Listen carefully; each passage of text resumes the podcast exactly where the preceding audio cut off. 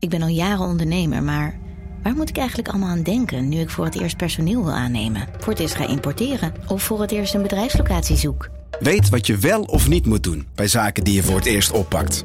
Check kvk.nl voor praktische stappenplannen. KVK, hou vast voor ondernemers. Vanaf de redactie van NRC het verhaal van vandaag. Mijn naam is Thomas Ruip.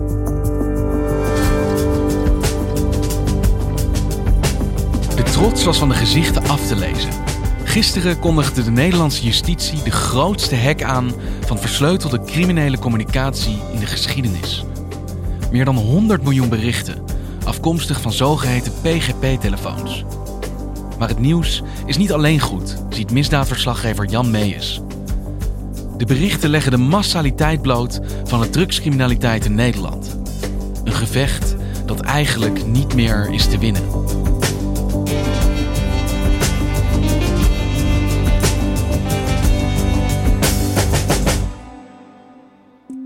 Vrijdagavond 12 juni, ongeveer 11 uur Nederlandse tijd.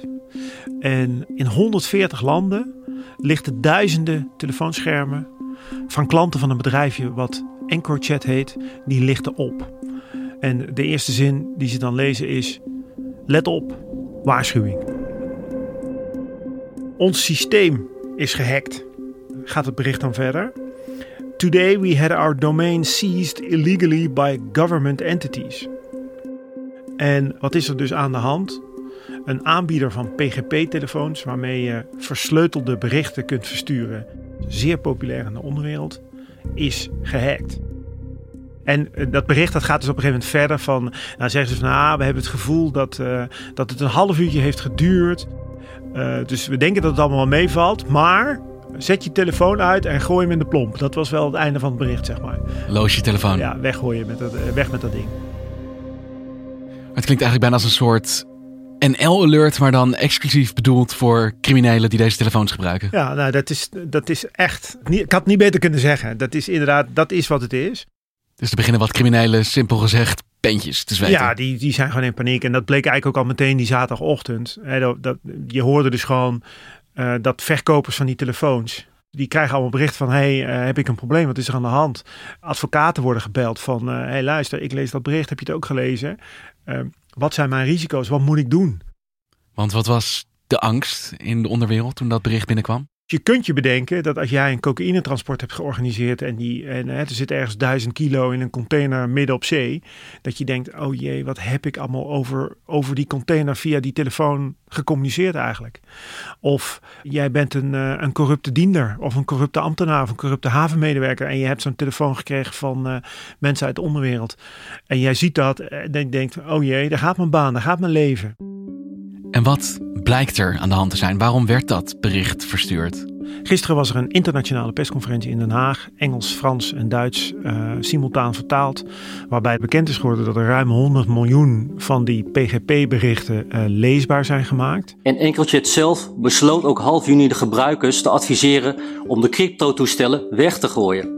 Echter, dat is te laat, want wij beschikken al over miljoenen berichten. En tijdens die persconferentie bleek dat 25 miljoen van die berichten, dat die zeg maar slaan op uh, activiteiten in de Nederlandse onderwereld.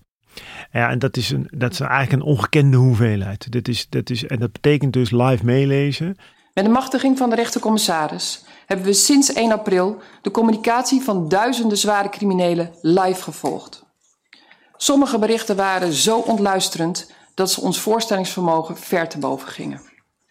Het was alsof we bij de criminelen aan de vergadertafel zaten.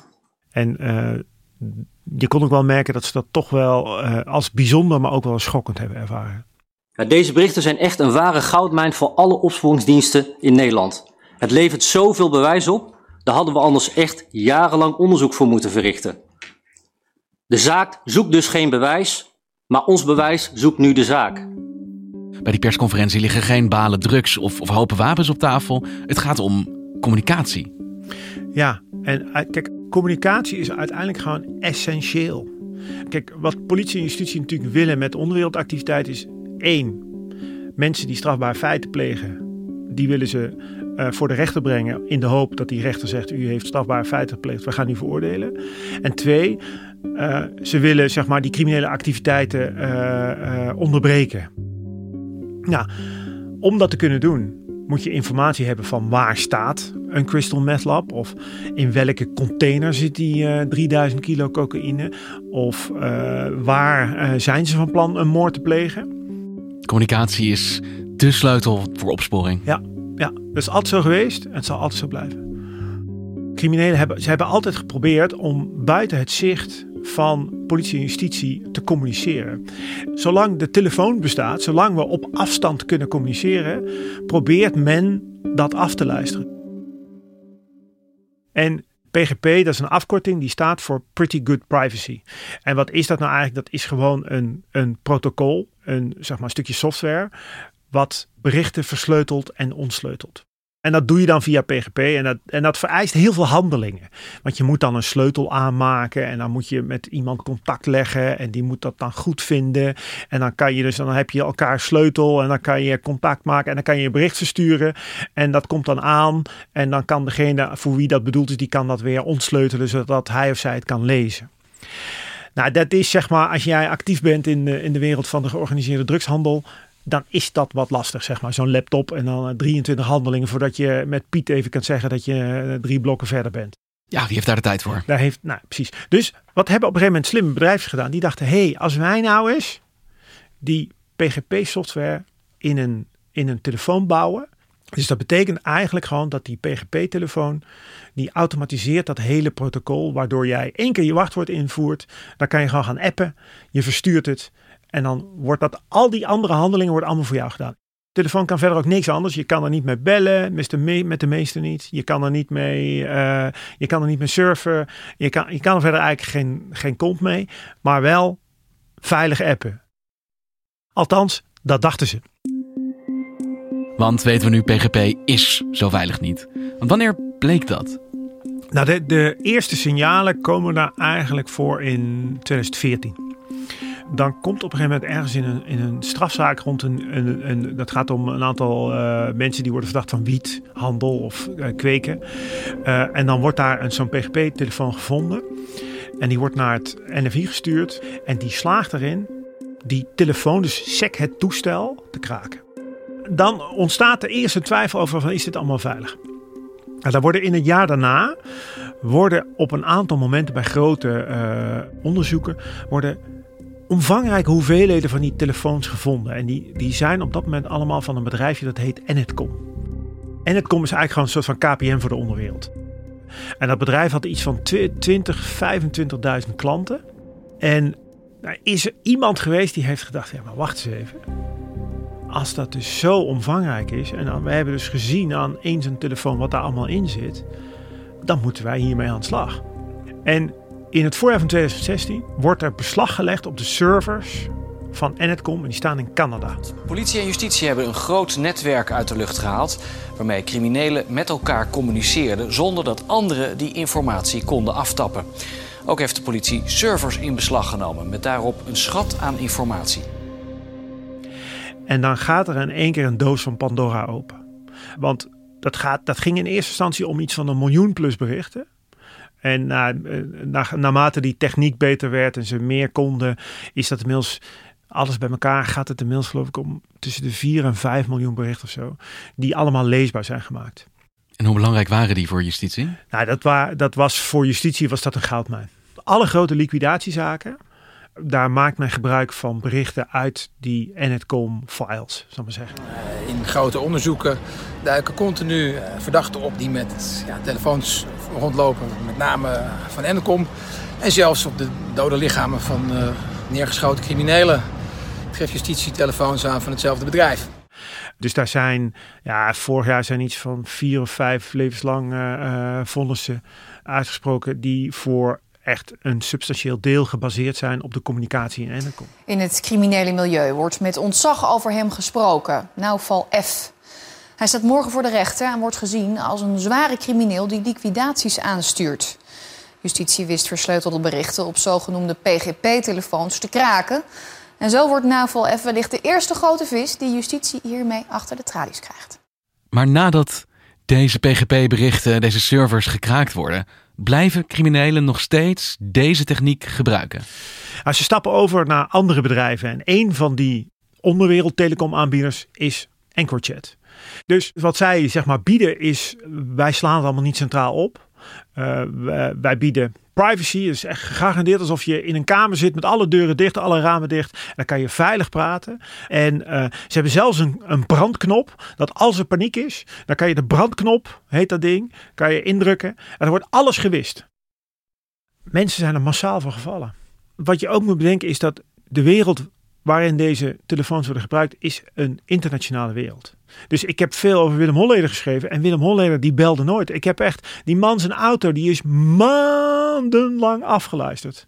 Ja, dat ging alleen maar over eten en over frieten en over... Maar, gaat, maar nooit enige... Hij heeft nul bewijsmateriaal. Dus Willem ging lopen. Maar ja, als jij dan een afspraak hebt met in, in Maastricht... Of in Malaga, of in Ankara, of in Colombia... Ja, dan ben je dus dagen onderweg. Dus een van de redenen waarom die georganiseerde misdaad in Nederland zo is gegroeid de afgelopen tien jaar, is moderne communicatie. Want hoe zijn ze binnengekomen bij dit ondoordringbare EncroChat? Nou, het is uiteindelijk allemaal begonnen in Frankrijk. Dus daar was een uh, rechercheteam en die kwamen erachter dat de servers van EncroChat dat die in Frankrijk fysiek stonden. En zij zijn daar een onderzoek gaan doen. Maar toen kwamen ze al snel bij het Nederlandse team uh, High Tech Crime uit. Nederland is hier goed in, wij vragen hulp. Precies. Toen hebben ze een Joint Investigation Team, dat is zeg maar een, een Europees uh, onderzoeksverband. En is het ze dus gelukt om, om een periode van enkele maanden zeg maar echt live mee te luisteren, lezen. En ja, al, die, al dat berichtverkeer te onderscheppen.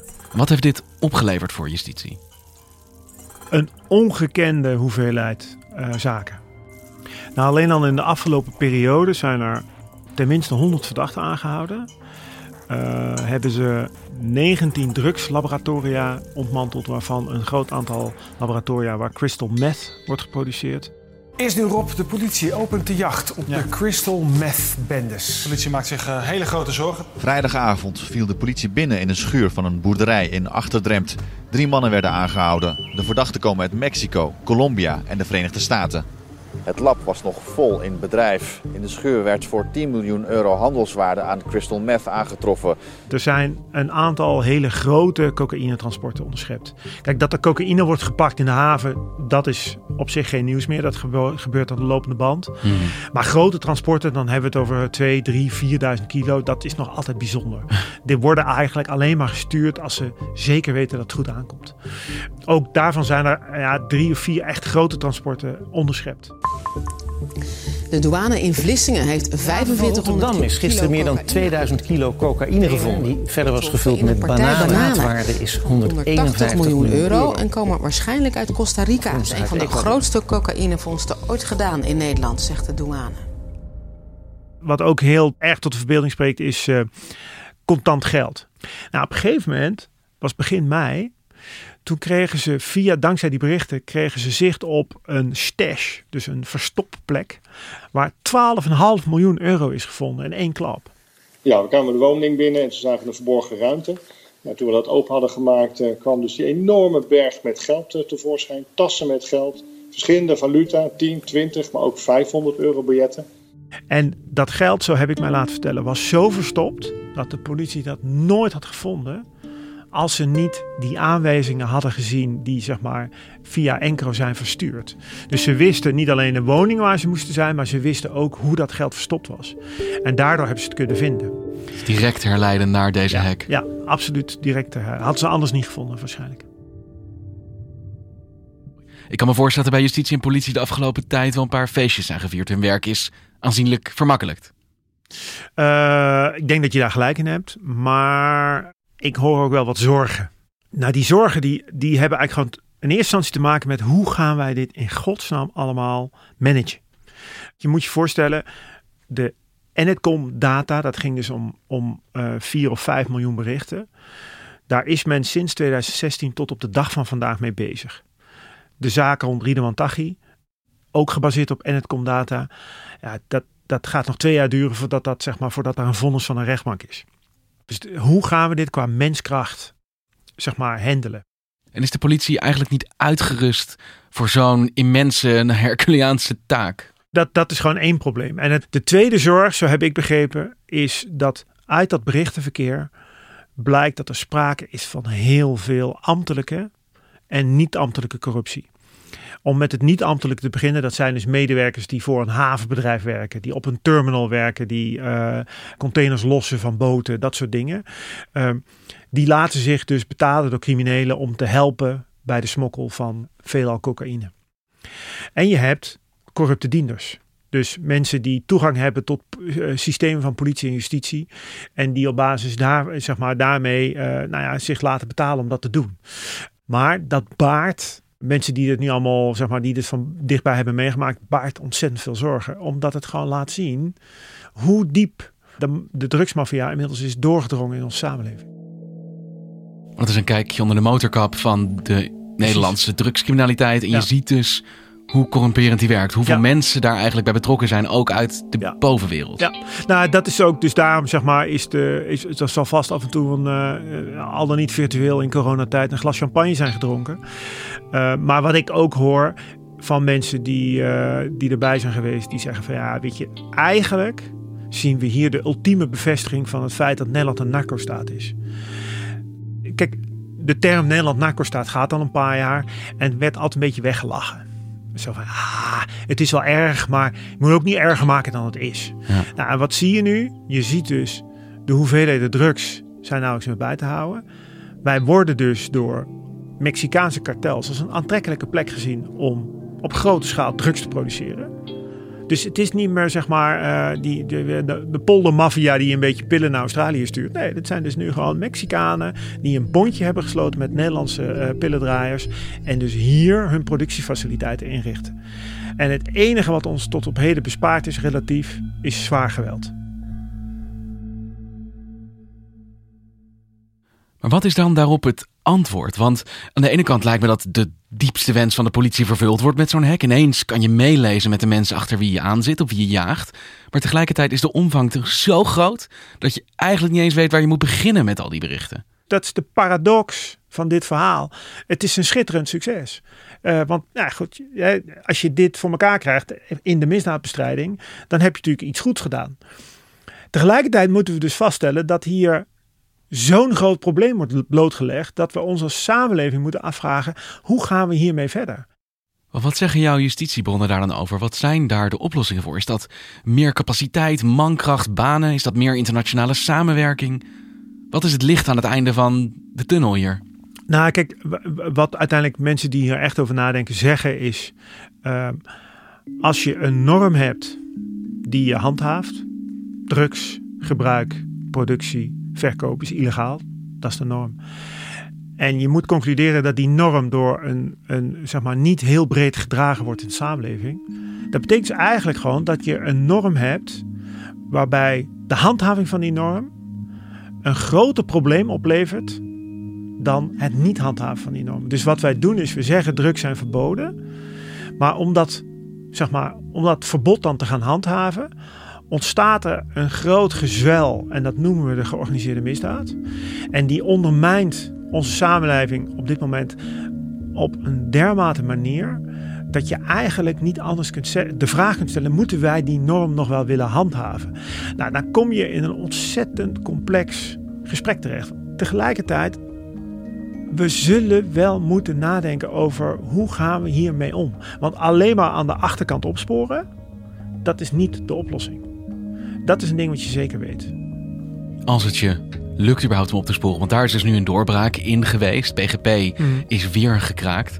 Maar het lijkt me ook dan de vraag wat nou de volgende communicatiemodus gaat zijn die de onderwereld vindt. Deze wapenwetloop gaat gewoon door. Dus dat is dat, dat nogmaals, kijk, het, dit is een mooi succes. En alle mensen waar op die persconferentie van gisteren waren allemaal ontzettend opgetogen en blij.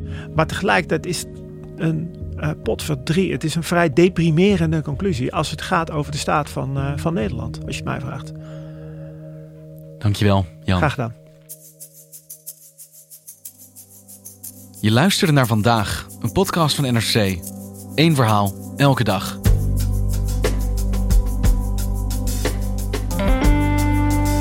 Hoe ver zijn we met een vaccin? Komt er echt een tweede golf? En hoe onverstandig is het nu om met je ouders af te spreken, terwijl iedereen om je heen het gewoon lijkt te doen? De onzekerheid rond corona leidt tot talloze vragen. En onze wetenschapsredactie gaat die voor je beantwoorden. Maar dan moeten we ze wel van je horen. Stuur daarom een voice message naar 06 23 03 4494. Zeg je naam en je vraag en wij gaan voor je aan de slag.